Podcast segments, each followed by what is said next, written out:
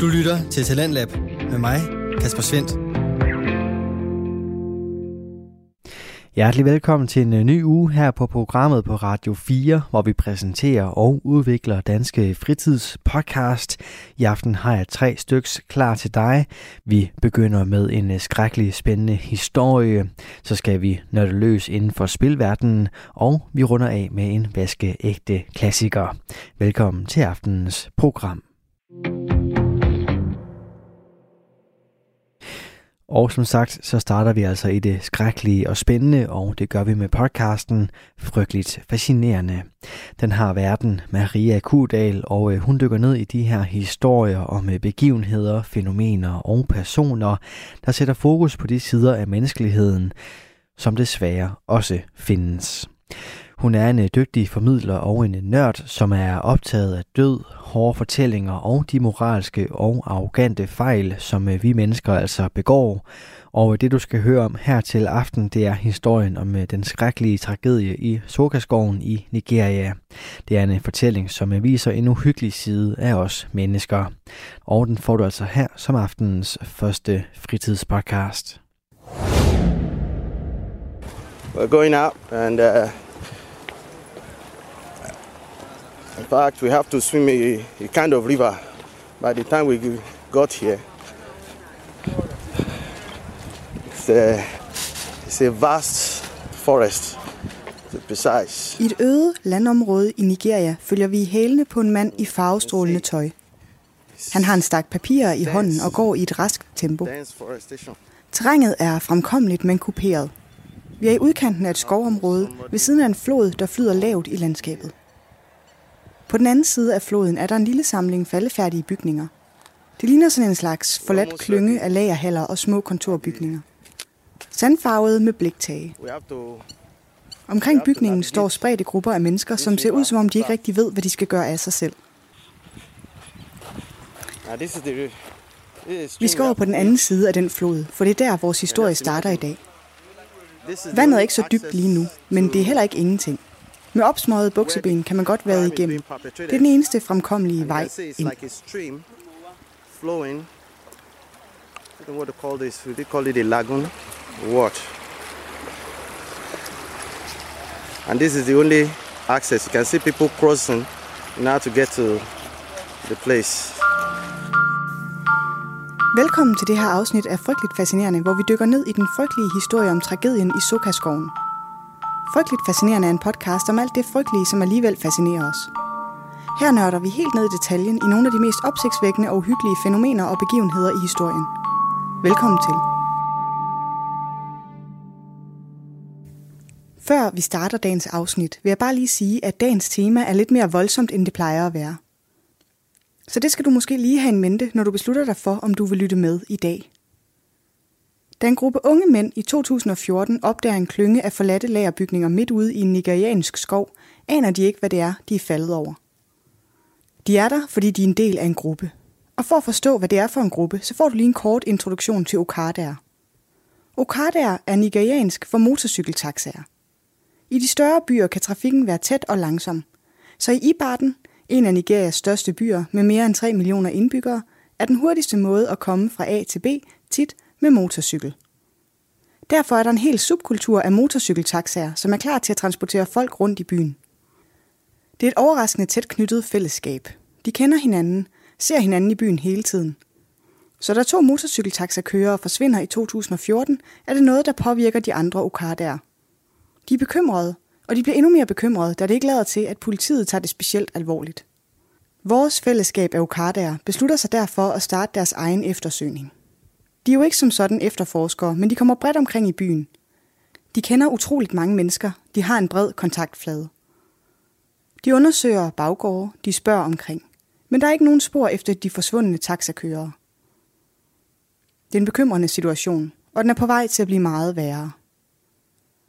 Få måneder senere samme år forsvinder nemlig en tredje Okada-chauffør fra Ibarden.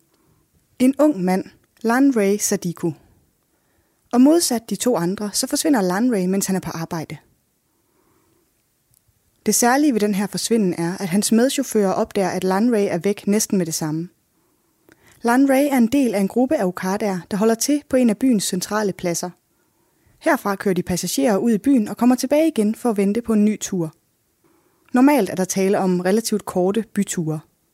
Så da Landray efter en tur med to passagerer ikke kommer tilbage i flere timer, begynder hans kollegaer at blive bekymrede. De ringer til ham, men han tager ikke telefonen. De ringer igen. Han tager den stadig ikke. Og han ringer heller ikke tilbage. Det er altså ikke normal adfærd i Okada-miljøet. Man passer sin telefon. Det er der, man har kontakt med kollegaer. Det er der, man kan blive ringet op om ture rundt i byen. Man tager den, når den ringer. Men så sker der noget, for pludselig ringer Landray til en af de Okadaer, der står i gruppen. Han ringer ikke fra sin arbejdsmobil, men fra sin private telefon. Modtageren af opkaldet sætter med det samme sin telefon på højtaler, så de andre bekymrede chauffører kan lytte med. Og så går tiden i stå. For i røret er Landray, i fuld hysterisk panik. Han skriger ind i telefonen, at han har brug for hjælp lige nu. For han er, sammen med otte andre mennesker, som han ikke kender, blevet kidnappet. Og nu sidder de i en underjordisk fængselscelle. Der er mørkt, så de kan ikke se noget, men over sig kan de høre mennesker gå rundt. Han fortæller også, at kidnapperne har taget alle deres ejendele. Men fordi han har to telefoner, og kidnapperne finder den første, så går det ikke op for dem, at han har en ekstra telefon i en baglomme. Blandet ind i Landrays forklaring af, hvad der er sket, og det rum, han er i, kan okarderne høre de andre fanger skrige og råbe for at tiltrække sig opmærksomhed fra de mennesker, de kan høre over jorden. Det er noget af et opkald at få. Her står ukarderne med en panisk ven i røret og prøver at finde hoved og hale i, hvad i alverden det er, der foregår. Imens prøver de at få Landray til at falde til ro, så han måske kan fortælle dem et eller andet, der kan give dem en idé om, hvor det er, han er henne. Det lykkes at få ham til at give nogle beskrivelser af en sti, der fører ind i en skov. Ved stien står to udbrændte biler, som Landray lagde mærke til, da de blev ført ind i skoven. Den skov, han taler om, er Sokaskoven i udkanten af Ibarden. Sokaskoven er en tæt, ufremkommeligt vildnæs. Men det er et spor. Selvom Landray ikke har nogen idé om, hvor i skoven han er, så er det nok til, at en stor gruppe af okadaer sætter kursen mod skoven. Landray siger, at hvis de fortsætter af stien, så kommer de på et tidspunkt til der, hvor gislerne bliver holdt fanget, og så vil de kunne høre dem råbe fra under jorden. Okadaerne starter med det samme deres motorcykler og sætter kursen mod det sted, som Landray har beskrevet for dem. De beder ham om at blive på linjen, så de kan blive ved med at tale med ham, indtil de finder stedet, hvor han bliver holdt fanget. Men mens de giver den besked, bliver forbindelsen afbrudt. Og da de prøver at ringe ham op igen, kan de ikke få forbindelse. 40 okadaer er nu på vej mod Sokaskoven på deres motorcykler. Ind og ud gennem tæt bytrafik følger de vejene ud mod skoven, til de kommer til en mindre vej, der løber parallelt med skovgrænsen. Her kører de i kortage og holder øje med de udbrændte biler, der skal markere den sti, som Landray har fortalt dem om. Og ganske rigtigt. De finder de to udbrændte biler, parkerer deres motorcykler i vejkanten og begiver sig af den lille sti ind i den tætte skov. Og sti er et stort ord at bruge her, for den er smal og svær at få øje på, og fuldstændig tilgroet nogle steder. Her står de så. En gruppe af taxachauffører, der ikke aner, hvad det er, der venter dem. Det eneste, de ved, er, at deres ven er i alvorlige problemer et sted inde i den skov. At han er blevet kidnappet. At han ikke er den eneste. De står der ved kanten af en tæt skov. Ubevæbnede, uden erfaring med den slags vanvittige situationer, og uden at ane, hvad det er, der venter dem. Men de går ind. På ræd og række går de af den smalle sti ind i skoven. De går helt stille, for de prøver at lytte efter noget, der kan lyde som nogen, der råber på hjælp under jorden. Sådan går de altså stille gennem skoven, indtil den allerforreste mand i rækken måske tror, at han kan høre et eller andet længere fremme. Han holder sin hånd op over hovedet for at stoppe gruppen og gør tegn til, at de skal lytte efter. Ud af ingenting springer en bevæbnet mand, som råber af dem, og med det samme begynder at skyde mod kolonnen af okadaer. De flygter tilbage til, hvor de kom fra, og kører fra stedet. Tilbage i byen er de virkelig bange og bekymrede for, hvad de nu skal gøre. De overvejer at kontakte politiet, men de har så lidt tillid til dem, at de ikke er sikre på, at de vil gøre nogen forskel. Så de beslutter sig for at tage tilbage. De vil redde deres ven. De får forstærkninger fra andre af byens okadaer, og mere end 100 motorcykelchauffører sætter kursen tilbage mod skoven. Og den her gang er de forberedt på, hvad det er, der venter dem. De har pistoler med, de har knive med, de har et bat med. De skal ikke overraskes ubevæbnet igen. Og den her gang, der er de ikke stille. De råber og larmer, så hvem end der er i skoven, tydeligt kan høre, at der er en kæmpe flok af vrede mænd på vej nu. Og de er klar til, hvad end der kommer. De bevæger sig hurtigt gennem den tætte skov, mens de hele tiden forventer at høre skud. Men det sker ikke. Der sker faktisk ingenting. Før de kan se en lysning. De kommer ud af skoven, og på den anden side står de på et stort, åbent, øde landområde. Og nu kan du måske kende omgivelserne, for det var her, vi var i starten. I hælene på en mand i farverigt tøj, der prøver at forklare os, hvad pokker det her er for et sted. Men da vores der ankommer, er der ikke andre mennesker at se. Det eneste, der er, er en flod, en faldefærdig stenbro og nogle forladte lagerbygninger på den anden side. De kan ikke på afstand se, om der er nogen i bygningerne, så de gør det eneste, de kan finde på at gøre. De stormer ud af skoven, krydser lysning og flod så hurtigt som muligt med kurs mod den mærkelige bebyggelse. Omkring hele området med lærbygninger og små skure er der høje pigtrådshegn. På vej over floden af Stenbroen får de øje på Landrays motorcykel, der er smidt i floden fra broen. Landray må være her et sted. Da de krydser broen, kommer de til et skur. Det er bygget af krydsfiner og malet sort. De åbner døren, og inde i skuret ligger der i hundredvis af personlige ejendele. Sko, tøj, bæltetasker, hatte, alle mulige ting. En uhyggelig fornemmelse breder sig. Hvor kommer alle de ting fra? Hvem ejer dem, og hvordan er de endt her?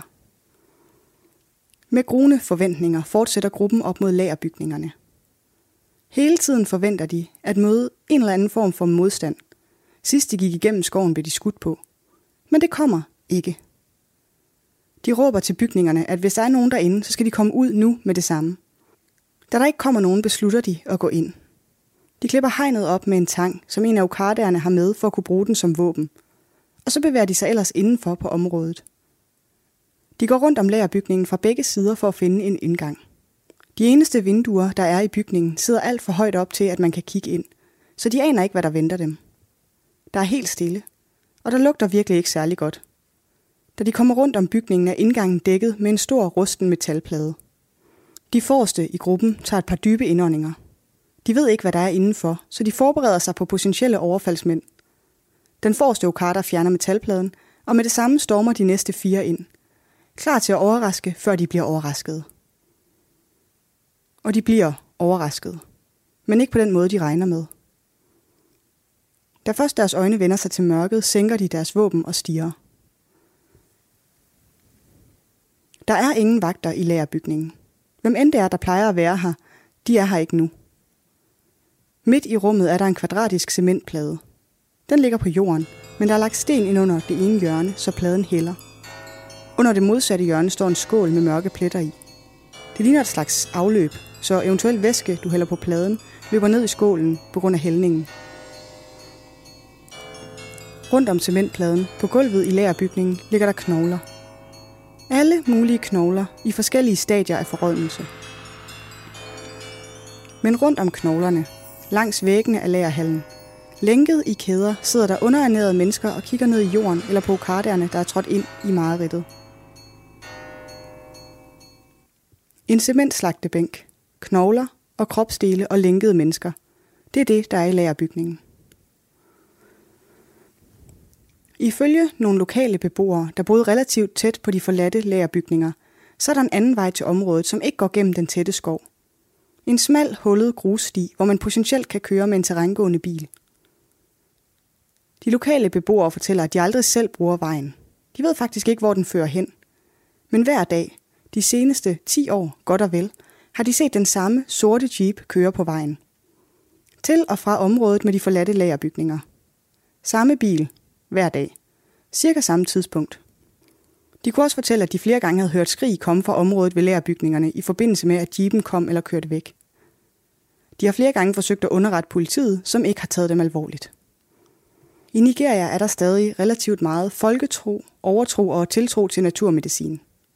Der er en udbredt kultur om, at herbalister, som er en slags nigerianske shamaner, kan helbrede sygdomme, hjælpe med problemer eller bringe lykke og de ting, man ønsker sig. Desværre for folk i Nigeria er de her herbalister også selv sådan rimelig hardcore overtroiske, og mange af dem kræver som betaling for deres arbejde simpelthen kropsdele. Og det skaber en ret uheldig efterspørgselsspiral, hvor folk har brug for menneskekropsdele for at købe ydelser hos de her herbalister. Og som bekendt, hvor der er efterspørgsel, har der med at dukke udbud op før eller siden. Så det, man mener, der er foregået i lærerbygningerne i Sukkaskoven ved Ibarden, er en slags kropsdelsfabrik, hvor et antal gerningsmænd driver en forretning med kidnapning og salg af kropsdele. Så når nogen på det sorte marked har brug for en bestemt kropsdel til deres magiske elixier eller forbandelse eller andre ritualer, så sørger folkene med lagerbygningerne for at levere det til dem. Så vil gerningspersonerne køre ud til lagerbygningen og beslutte ud af alle deres fanger, hvem de vil tage en given kropsdel fra. Og så vil de simpelthen tage den eller de fanger, som havde den eller de kropsdele, de skal bruge, løsne dem fra lænkerne, placerer dem på cementblokken og har kropsdelene af dem, som skal sælges. Midt i det rum, hvor alle de andre fanger sidder lænket, så de kan se alt, hvad der foregår. Hvis fangen overlever, så bliver han eller hun lænket til væggen igen. Hvis ikke bliver de slæbt ud i baglokalerne og efterladt der. I baglokalet finder man både en guillotine og en stor krokodille, som formentlig har været brugt til at slå fanger ihjel, der har fået kropsdele amputeret, men som ikke kan overleve deres skader. Vores Okadaer er selvfølgelig fuldstændig chokeret over, hvad det er, de ser. Uden nogen forkromet plan, så skynder de sig at fjerne lænkerne fra de fanger, der sidder langs væggen i lærerbygningen. I alt finder de 23 levende fanger. Men ingen af dem er Lanray, som de startede hele deres mission for at lede efter. De undersøger også de lig, der ligger i bygningen, men finder ingen spor af ham. Rundt om bygningen finder de flere forskellige overfladiske massegrave, men heller ikke her finder de spor af Lanray. Så gruppen af Okadaer spreder sig for at gennemsøge området. Du kan måske huske, at Landray beskrev, at han blev holdt fanget under jorden sammen med de andre fanger. Så vores Okadaer leder efter en indgang til den underjordiske celle for at redde deres ven. De spørger også de overlevende fanger, om de kender noget til nogle underjordiske celler på området, men flere af de overlevende kan ikke få et ord frem. De er selvfølgelig fuldstændig traumatiseret, men de af dem, der kan tale, ved ikke noget om nogen underjordiske celler. Da politiet endelig ankommer til stedet, tryller vores Okadaer dem om at begynde en udgravning på området. For de ved, at deres ven er fanget et sted under jorden, og det er et spørgsmål om tid, før han ikke kommer til at overleve, hvis der ikke bliver gjort noget. Hvis man går indenfor, ligger der knogler og kropsdele fra flere mennesker. Bagved er der et hus, hvor der ligger lige. Der er flere ofre under jorden et sted. Det er derfor, vi er her. En af offrene nåede at ringe til os på sin mobiltelefon og fortæller, at han bliver holdt fanget under jorden. Han vidste ikke præcis, hvor han er, og hans telefon har ikke mere strøm. Vi hørte fra ham i lørdags, men vi giver ikke op. Han er ukarter i Ibarden, ligesom os. Han sagde, at han kunne høre folk gå rundt over ham. Vi vil have, at regeringen og politiet skal hjælpe os med at grave ud i området, så vi kan finde ham. Vi har set i nyhederne, at de har begyndt udgravningen, men det passer ikke. Kig dig omkring. Kan du se nogen officiel udgravning? Det er kun os, der er her. Men det skal politiet ikke have noget af. Øjenvidner blandt okadaerne fortæller frustreret til afrikanske tv-kanaler, at de har forsøgt at overtale politiet til at starte en udgravning. I stedet har politiet blot indkaldt to store bulldozere for at jævne fabrikshallerne med jorden og afspærret området.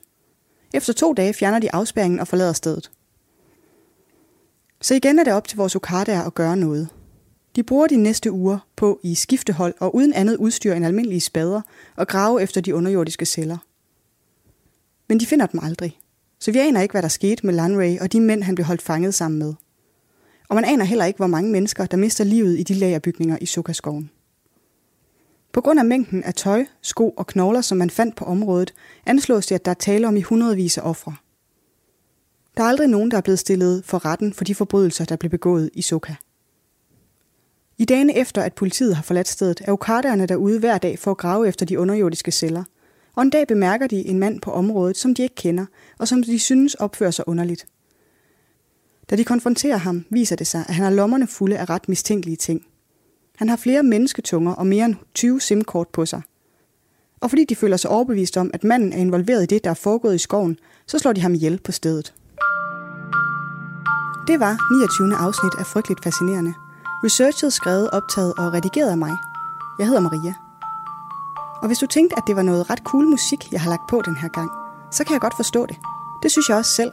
Og det er noget, jeg har fået tilsendt af en lytter, der bare kan det der med cool musik. Og så er det faktisk også ham, der har anbefalet dagens tema. Så hvis det var lidt til den voldsomme side, så er en del af ansvaret altså hans. Næste afsnit kommer allerede i næste uge, og i mellemtiden kan du sende mig en besked på min Insta – Måske med et ønske til noget frygteligt fascinerende, du gerne vil høre om. Det er der rigtig mange af jer, der har gjort på det sidste, og jeg bliver så uendelig glad hver gang. Jeg har mere end 200 følgere derinde. 200, Det er simpelthen for vildt. Tak for nu. I researchen til afsnittet har jeg brugt oplysninger fra Mr. Ballens YouTube-kanal, World Bulletin, Vanguard og Sahara TV. Du lytter til Radio 4. Her var det Maria Kudal og øh, hendes podcast Frygteligt Fascinerende, som øh, gav os historien om øh, tragedien i Sukkerskoven i Nigeria, og det gjorde hun altså her i en af hendes øh, mere normale afsnit. Du kan også finde nogle øh, kort fortalt episoder, hvor øh, Maria hun har skåret ind til benet og øh, giver dig 5-6 minutters afsnit med samme koncept. Både afsnit som det i aften og øh, kort fortalt episoderne kan du finde inde på din foretrukne podcast tjeneste, og så kan du altså også følge frygteligt fascinerende inde på Instagram. Og øh, begge steder, der kan du også finde aftenens næste fritidspodcast. Den hedder Gamle Mænd i Nye Spil, og øh, har de to værter, Jakob Terkelsen og Preben Pedersen. De tager fat i konsol- og mobilspil for at give dig en omgang underholdning, nørderi og måske endda inspiration til øh, din næste spiloplevelse, og det gør det igennem både anmeldelser og interviews med relevante gæster. De er også to nørder og podcaster, men selvfølgelig også erfarne gamere, som øh, ikke holder sig tilbage med hverken ros eller ris, og også gældende her i aften. Vi skal både høre på en øh, anmeldelse af spillet Rogue Company, og så et interview med gæsten, som også er med til at anmelde spillet, og han hedder Jesper Andersen.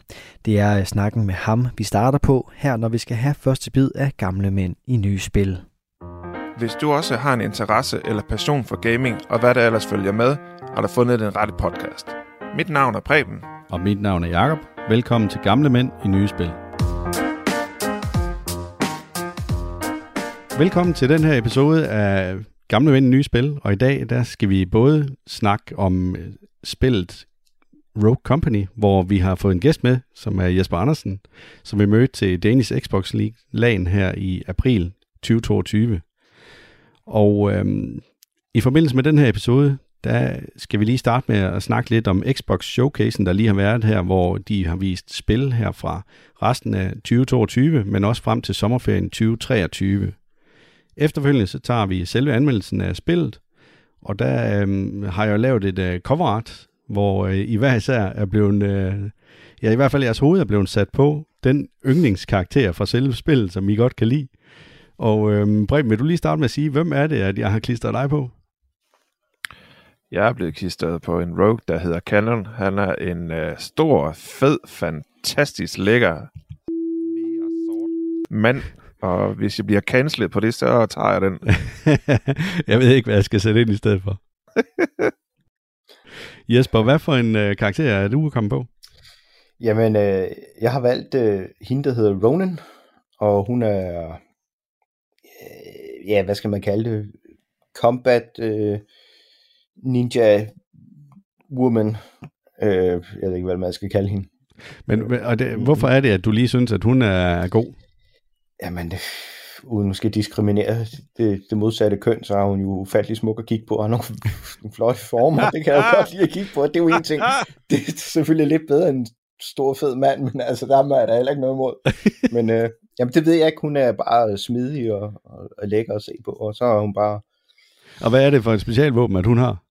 Jamen, hun har sådan en, øh, en kniv, hvor hun lige kan armere den, og så kan hun altså bare kaste den afsted, den kniv, og så sidder den jo lidt ligesom en, en proximity mine, ja. og øh, den er jeg ufattelig glad for at bruge, og til stor frustration for, for nogle af vores øh, andre spillere. Kan jeg da huske, jeg blev kaldt for et dumt møgsvin her for ikke så lang tid siden, da vi spillede med Steven med andet.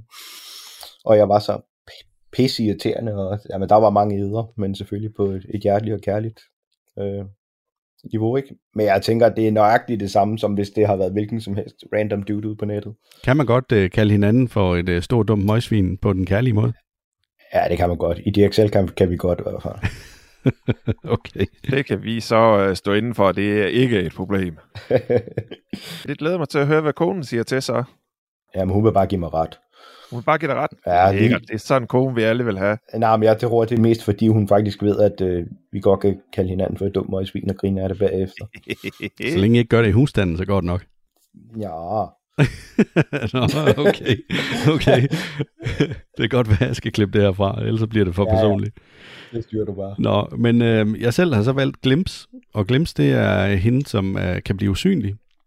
Og øh, så har hun sådan ligesom sådan en sjette sand, så man kan fornemme, hvor fjenden kommer fra. Det synes jeg er en rigtig god hjælp.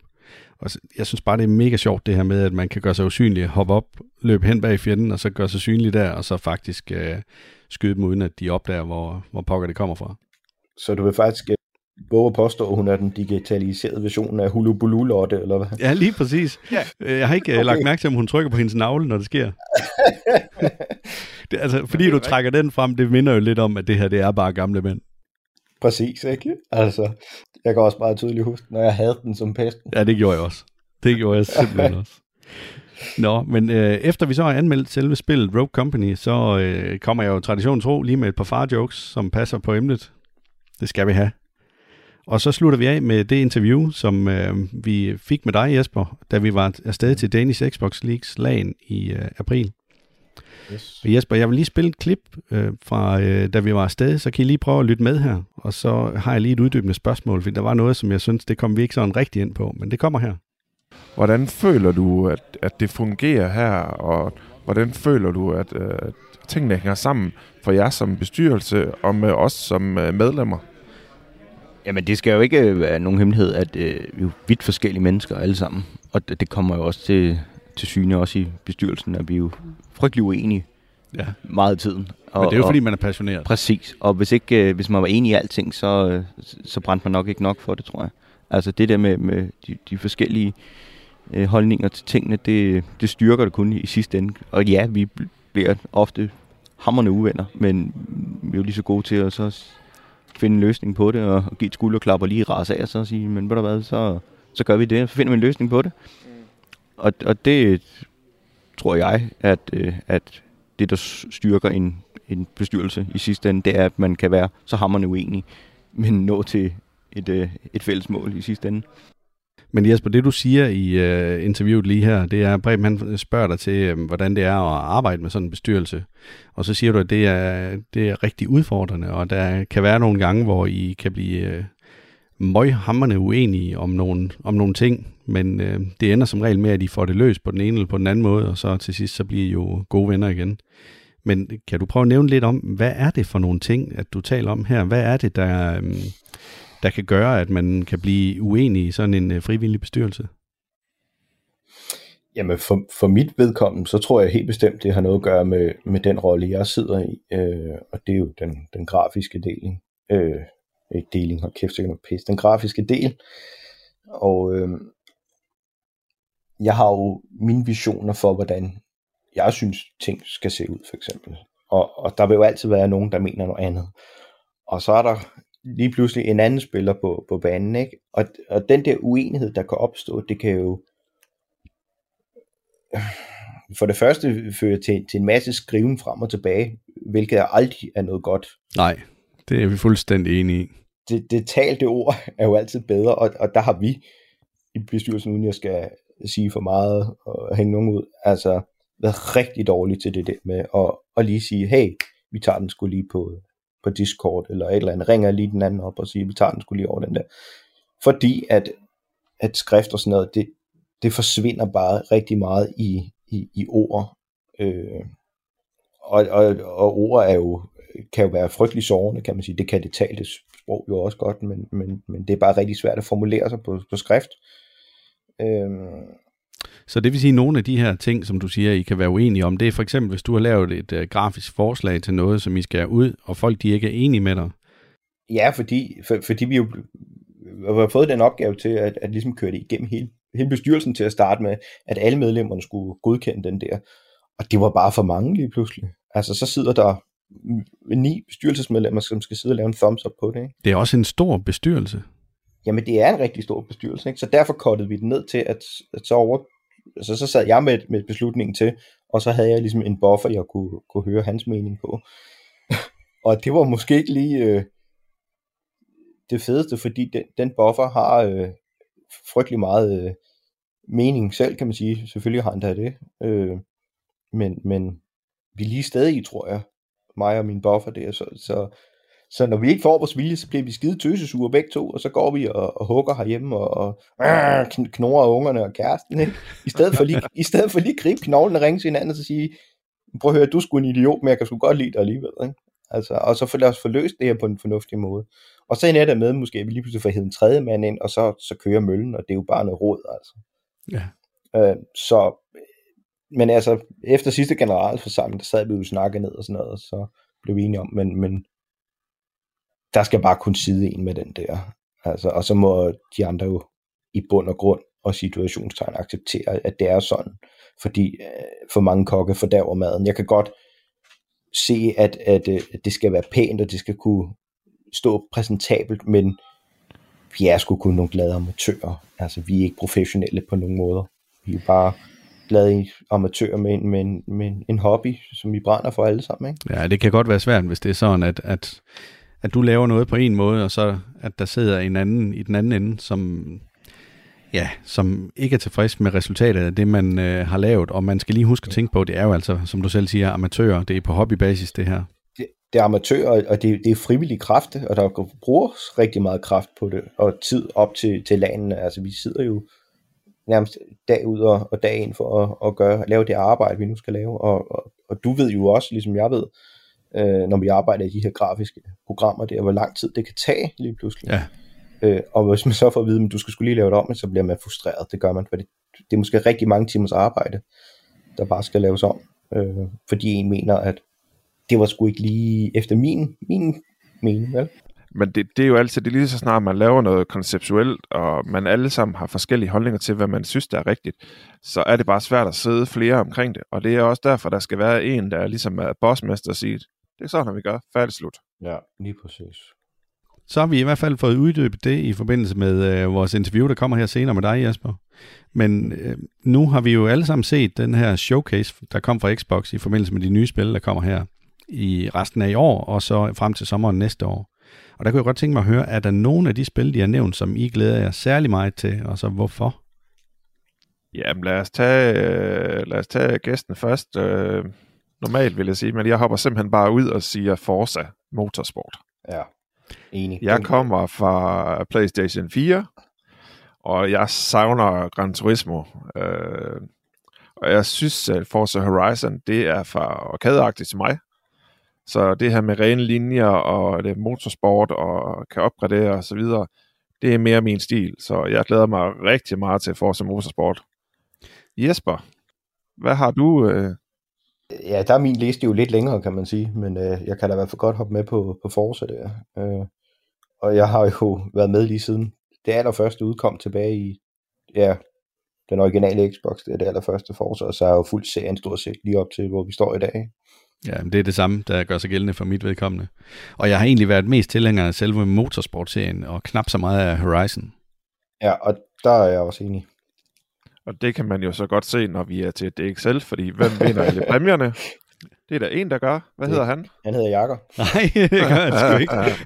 han hedder faktisk Det er vores uh, gode gæst. Han uh, styrer simpelthen det præmieshow med hård hånd. Ja, ja, det er ikke så godt. Ej, du bliver nødt til lige at give dig lidt. Altså, det kan man sgu ikke være bekendt som medlem af bestyrelsen, og så sidde der og så indkassere alle de præmier, man har været ude og, og skaffe til medlemmerne.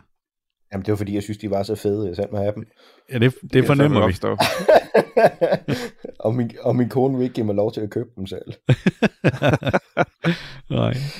Hvad har du ellers på beding? Jamen, jeg har jo uh, Redfall for eksempel. Det synes jeg ser interessant ud. Uh, og hvad er det? Jamen, Redfall, det var det her... Uh, en vampyr-lignende noget. Det er lidt svært at blive helt klog på det. Det, det ligner lidt noget, hvad skal man sige, Left 4 Dead, uh, Back for Blood konceptet med de her fire karakterer, du kan vælge, og så igennem det her, den her bane, hvor du så spiller mod, hvad fanden nu computeren kaster imod dig. Ja. PvP, tror jeg. Mm. Nej, PvE, tror jeg, man kalder det, ikke? Mm. Øh, så jeg, jeg tror, at konceptet bliver lidt derhen men igen, det er jo svært at, at, at sige ud fra traileren, men det virker lidt til det. Jeg synes også, det minder om uh, Left 4 Dead i hvert fald. Ja. Øhm, og så ser det bare uh, sindssygt godt ud. Fuld, fuldstændig. Ja. fuldstændig. Øhm, så har jeg jo så også, ligesom måske så mange andre, Starfield jo, øh, for Bethesda. Den er svær at komme udenom. Det så ekstremt stort ud. Jeg, ja, jeg synes, og... han sagde der til sidst, at det var noget med, at man kunne lande på tusind forskellige planeter. Ja, lige præcis. Men, men så kan jeg jo ikke lade være med at sidde og tænke på, men det har vi jo hørt før med No Man's Sky, og det kan alle jo huske, ja. hvordan gik. Og min uh, problemat, uh, problematik i det ligger i den der med, ja, du kan lande tusind steder, men kan du gøre tusind steder alle sammen lige gode, ja, det er jo så, så det lever lige flot ved de samme muligheder. Det kan jeg virkelig godt være nervøs for. Jamen, der synes jeg også, de begrænsede det lidt, fordi de sagde jo, at man kunne lande øh, et specifikt sted på, på planeten, hvor det jo ligesom om, der var gjort noget ekstra ud af det. Altså, der var sådan en landingszone, en base, og mm. der vil være noget der omkring. Men ellers så kunne du lande rest, altså uanset hvor du ville på planeten, og der tror jeg bare, det er sådan et eller andet automatisk genereret. Ja, for jeg, jeg tænker måske, hvis vi tager de 800 planeterne, ish, øh, er måske bare ressourceplaneter, eksempelvis, kunne jeg godt forestille ja. mig. Altså, hvor det er rene ressourcer, og der er ikke så meget, øh, hvad skal man sige, sted, hvor du kan dyrke og bo og sådan noget, fordi øh, området er for uvenligt eller et eller andet. Ja, ja, ja. Men det er rigtigt, og det har vi også set i No Man's Sky før. Men her, hvor øh, at de i hvert fald har lavet en kraftig forbedring, det er det her med, at du kan bygge din egen, øh, dit eget rumskib. Og det kunne du ja. simpelthen øh, ja, altså lave fuldstændig, som du havde lyst til. Du kunne øh, sætte nye ja. motorer og andre vinger og alt muligt andet på. og så kan du kan teste dem bagefter, om de rent faktisk kan flyve. Ja, ja og jeg kan simpelthen ikke øh, lade være med at tænke på, at der er nok rigtig mange, der får bygge en eller anden kæmpe flyvende rumpenis, eller et eller andet. Det vil ikke, undre, det vil ikke undre mig, eller nogle, for der var også nogle store fuelkugler, eller et eller andet, altså. Ikke? Og, så, og så ved man, så er den ligesom allerede i gang der. Altså. ja, det tror jeg også. Det tror jeg også. Altså. Det kan være, at hundkønnen kommer til den også. Ja, lige præcis. Ikke? Altså. Og til dem, som ikke er bekendt med det, så bare søg på John Dillermand. Ja, præcis. så det bliver sådan en elastisk sag, der kommer flyvende rundt. Det ved jeg ikke rigtigt, om, om den kan. Men man kunne også bygge sin egen baser. Altså, det var, det var ret vildt, det de viste, man ja, kunne. Ja, og, og, og det er jo et koncept, de har taget videre fra, et koncept, de har taget videre fra øh, Fallout 76, kan man sige. Ja, ja, så de blander øh, sådan set det, det bedste fra mange øh, af de store spil. Ja, det vil jeg våge påstå. Der var også en anden, som vi snakkede om. Øh, den der med de våben der, som taler. Ja, og det kan jeg jo ikke huske, hvad hed. Du sagde lige jeg før. sagde det lige før, ja, og nu har jeg glemt det igen. Det, uh... det var det der, uh, fra de der idéfolk bag Rick and Morty. Ja. Pokker, hvad det, det hed? Nej, hvor er det irriterende, det lige smuttede. Uh, det var noget med Life, var det ikke? Den hedder High on Life. High on Life, ja.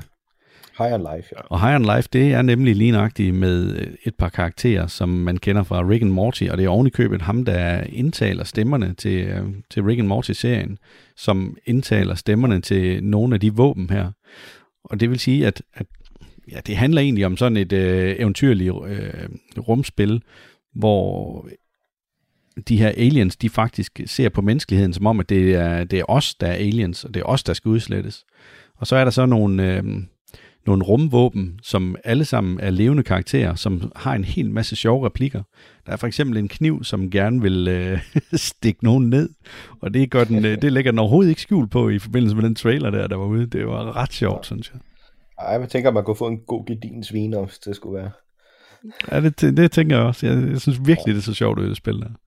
Og apropos gedin sviner, jeg kan huske, der var et våben i Borderlands 3, tror jeg det var. Uh, sådan et special rare våben, som hver gang du skød med det, så begyndte det bare at skrige helt vildt. Altså, og det blev bare ved med at skrige. og det var jo slet ikke til at holde ud og høre på, altså. øh, og så var der jo også nogle af de der specielle våben, og kastede med dem, så gik den jo rundt. Og så svinede den jo de der fjender til shoot me, uh, shoot me your ass hole, eller, eller andet. Hvad de nu kunne fyre af. De havde jo mindst lige så tosset humor jo. Så. Ja.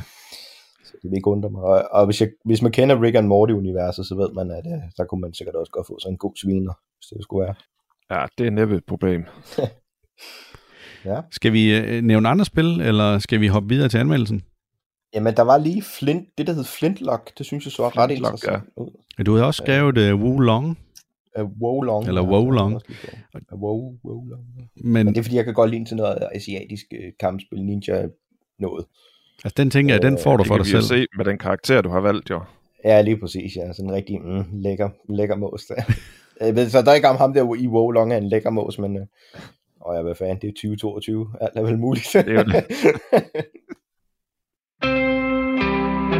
du lytter til Talentlab med mig, Kasper Svendt. Vi er i gang med aftenens andet podcast afsnit her i Tlands Lab. Det er programmet på Radio 4, som giver dig mulighed for at høre nogle af Danmarks bedste fritidspodcast, der deler nye stemmer, fortællinger og måske endda nye holdninger. En af dem er Gamle Mænd i Nye Spil med Jakob Terkelsen og Preben Pedersen, som øh, sammen med deres gæst Jesper Andersen nu skal kaste sig ud i en anmeldelse af spillet Rogue Company. Yes, jamen øh, så synes jeg, at vi skal hoppe videre. Så nu går vi til anmeldelsen af Rogue Company. Ja. Rogue Company er sendt ud som beta i juli 2020 og er officielt udsendt fra september 2020. Det er ikke en del af nogen som helst serie, så det er standalone spil, som er udviklet af First Watch Games og udgiveren af Hi-Res Studio. Du kan spille det på Xbox, PC og PlayStation platform. Det er et uh, multiplayer spil, hvor der ikke er nogen singleplayer del. Generelt så er det jo, som siger, der er ikke nogen singleplayer, så det er en, uh, en nem del at komme over. Uh, men vi kan starte med at stille et par spørgsmål. Jamen, jeg vil lige komme ind på det her med priser og nomineringer, som vi har snakket om tidligere. Det her spil, det har ikke fået nogen nomineringer.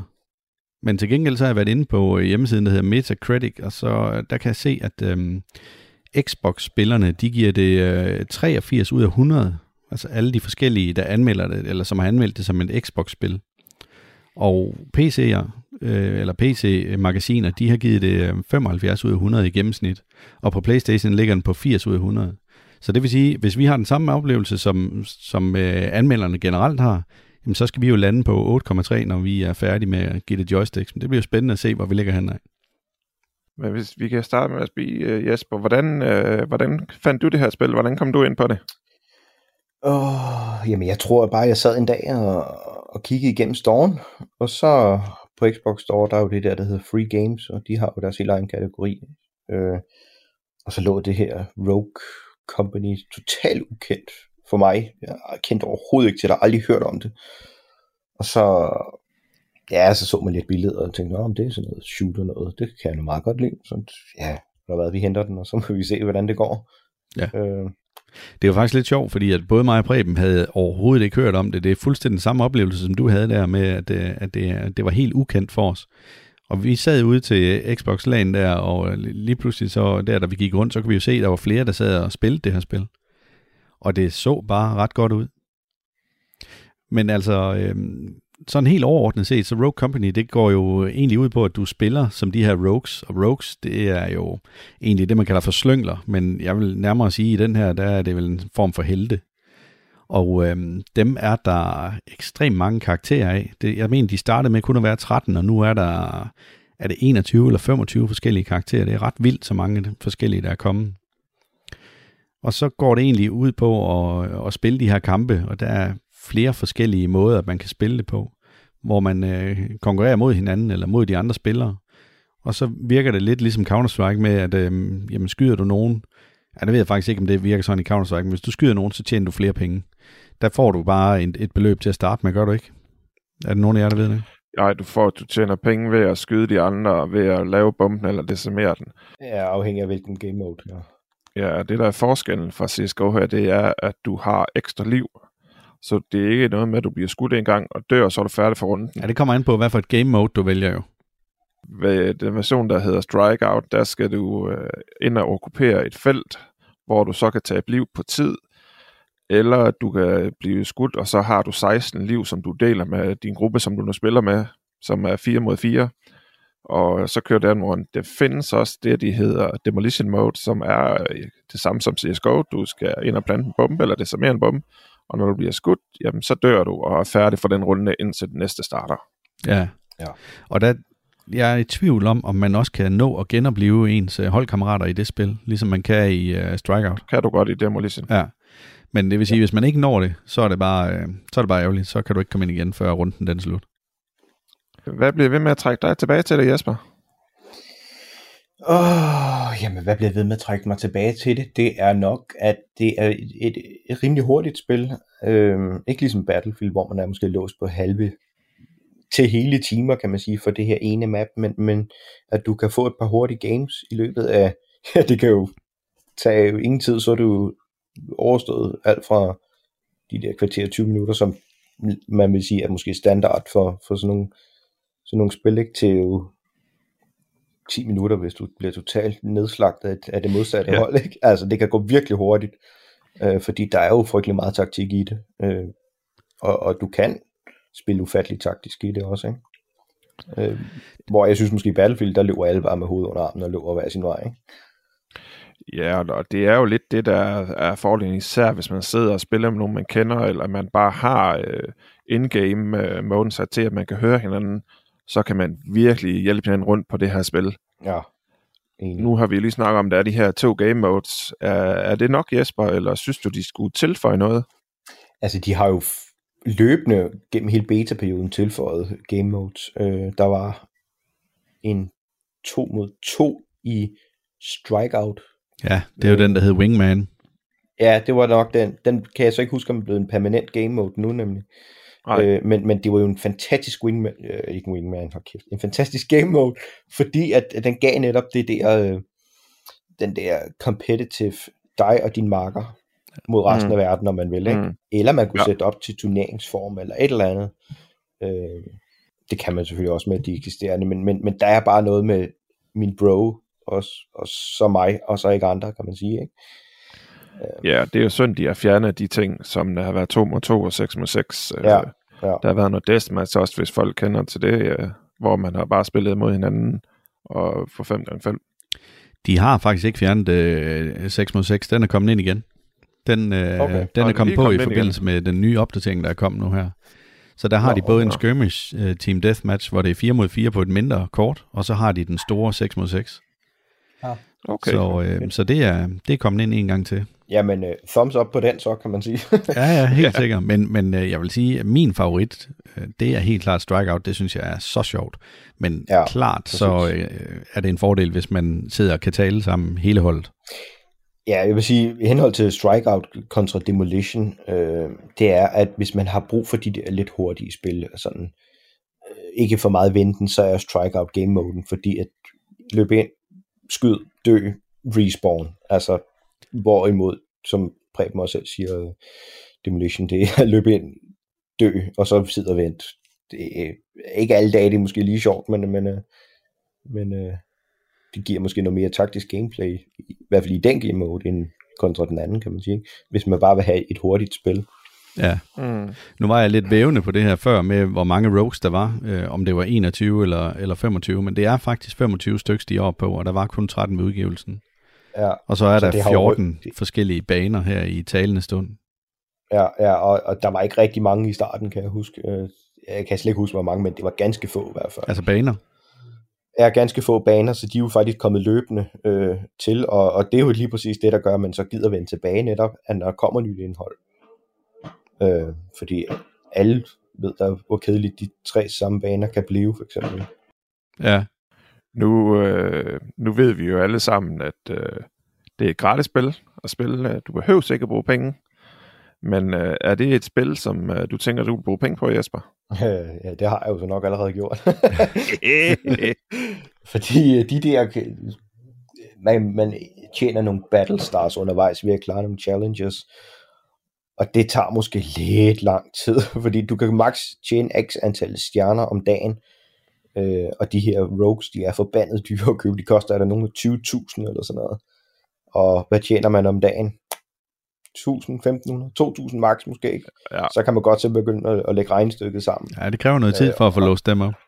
Ja, og de er jo ikke alle sammen lige nemt, de der challenges, kan man sige. Øh, så, så der er jo den, den smarte løsning, hvor man lige, øh, man for 45 kroner kan du lige købe 50.000 stjerner og sådan noget, ikke? Altså den klassiske loot box transition. Ja, ja der, der, det koster cirka 45 kroner for øh, 500 coins, og du kan få øh, 1000 coins for 80 kroner. Hvis du skal have et øh, outfit, så øh, koster det cirka 1000 coins som regel. En øh, rogue koster 15.000 af de her medaljer som regel op, som man skal bruge, eller for 600 coins op. Så kan folk selv øh, begynde at regne ud, hvad, hvad tingene koster. Men jeg vil sige, vi købte jo det her, øh, det var ikke et battle pass, men der var sådan en, øh, et specialtilbud på et tidspunkt. Og der, der fik vi låst, øh, jeg tror det var 10 rogues op øh, ved det køb, og det synes jeg faktisk, det var ret billigt. Men til gengæld, så har det taget lidt af spilglæden ud, for jeg synes faktisk, at det var noget af det, der var værd at komme ind for, for at, at spille. Det var det her med, at man kunne komme ind og så få låst nogle af de her stjerner op, så man kunne spare sammen til de her rogues. Øh, ja, det mangler ja. jeg lige pludselig lidt, fordi at nu ja. synes jeg egentlig, at jeg har dem, som jeg gerne vil have. Ja, og det er jo lidt det, det er den der øh, verden, vi har bevæget os over i, at, at, at øh, før i tiden, der kæmpede man jo sat med i net for at få lige præcis det her fede våben, eller lige præcis den her karakter. Ikke? I dag, der kører du bare lige dankort igennem, og så har du karakteren allerede. Ikke? Ja, og det er jeg faktisk total modstander af. Jeg kan virkelig godt lide selv at kæmpe mig til det. Ja, præcis. Og, og jeg har det på nøjagtig samme måde. Fuldstændig. Så er det fandme godt, at vi alle sammen har brugt penge på det her spil. I lige præcis, fordi vi, kan, vi, er blevet for gamle, vi er blevet for gamle, fordi vi har ikke tid til det her, og vi, vi ender med at falde i søvn foran skærmen. Det har jeg da gjort flere gange, skal jeg lige sige. oh, så, ja. så, så ved man bare, at klokken den er blevet for mange. Ja, så er klokken kvart over syv, og vi skal til at falde i søvn, ikke? Altså, hvad sker der, mand? Totalt gamle mænd. ja. Nå, men vi har været lidt inde på, hvem der er jeres favorit rogue. Øhm, er der flere ting, I gerne vil ind på, inden at vi render igennem bedømmelsen? Vi har beskrevet spillet godt, og vi har været rundt omkring, hvad spillet kan, og, øh, og hvad der skal til for at være med i det, synes jeg. Ja. Yeah. Jamen, øh, så lad os til at hoppe til kontrol og styring, og øh, jeg synes, vi skal prøve at lade gæsten tage ordet, og så får du lov at, at, at øh, lægge ud, Jesper. Og det er jo det her med, at vi skal give den joysticks, hvor 0 det hvis det er fuldstændig helt ude i, i hampen, og 10 det er når det er rigtig godt. Og så skal du lige ja. give den antal joysticks, og så en begrundelse for, hvorfor. Men kontrol og styring? Jamen, det synes jeg fungerer for mig godt. Jeg har, har ikke haft de store issues med, med... Altså, den er skarp, og den er præcis, og man har god kontrol over, hvor... Øh, altså, hvad gør hvad, synes jeg. De der bombers til dine abilities. Som udgangspunkt, så synes jeg, det fungerer fint. Der er skarp og præcis styring, og der er ikke noget øh, delay, eller øh, forsinkelse, eller de lige laver et ekstra step til siden, hvis de ligesom skal ramme den der realistiske vinkel, at når man stopper op, så kan man lige, åh, lige ved snuble, eller et eller andet. Altså, de stopper med det samme, og man kan hurtigt korrigere den modsatte vej. Mm. Øh, Hvad ligger du så, så, så karaktermæssigt? Karaktermæssigt, der ligger jeg, ja, men intet er jo perfekt, så en, en 8, vil jeg sige. Mm. Ja. Jeg vil sige, jeg har også øh, selv givet den 8. Øh, det har jeg ikke omfattet som øh, med dine ord. Det fungerer rigtig godt spillet. Men standardstyring er sat op til, når du skal lave et melee-attack, så skal du bruge D-padden til højre. Det er bare totalt unaturligt, hvor man i de fleste spil bare bruger den ene thumbstick, og bare trykker den ned, så laver du et melee-kill færdig slut. Ja. Det, den også har et problem med, det er, at du kan have to granater. Det er ikke lige sådan helt simpelt, hvordan man lige skal skifte for at få dem over. Så hvis man ikke lige rammer den perfekt, så kaster du ikke den granat, du tror det er. Så det, du tror, du kaster en røggranat, så er det altså en, øh, en øh, ildgranat i stedet for. Det er ikke helt genialt, når man skal prøve at kaste røggranat ned for at beskytte sine kammerater. Det virker helt godt.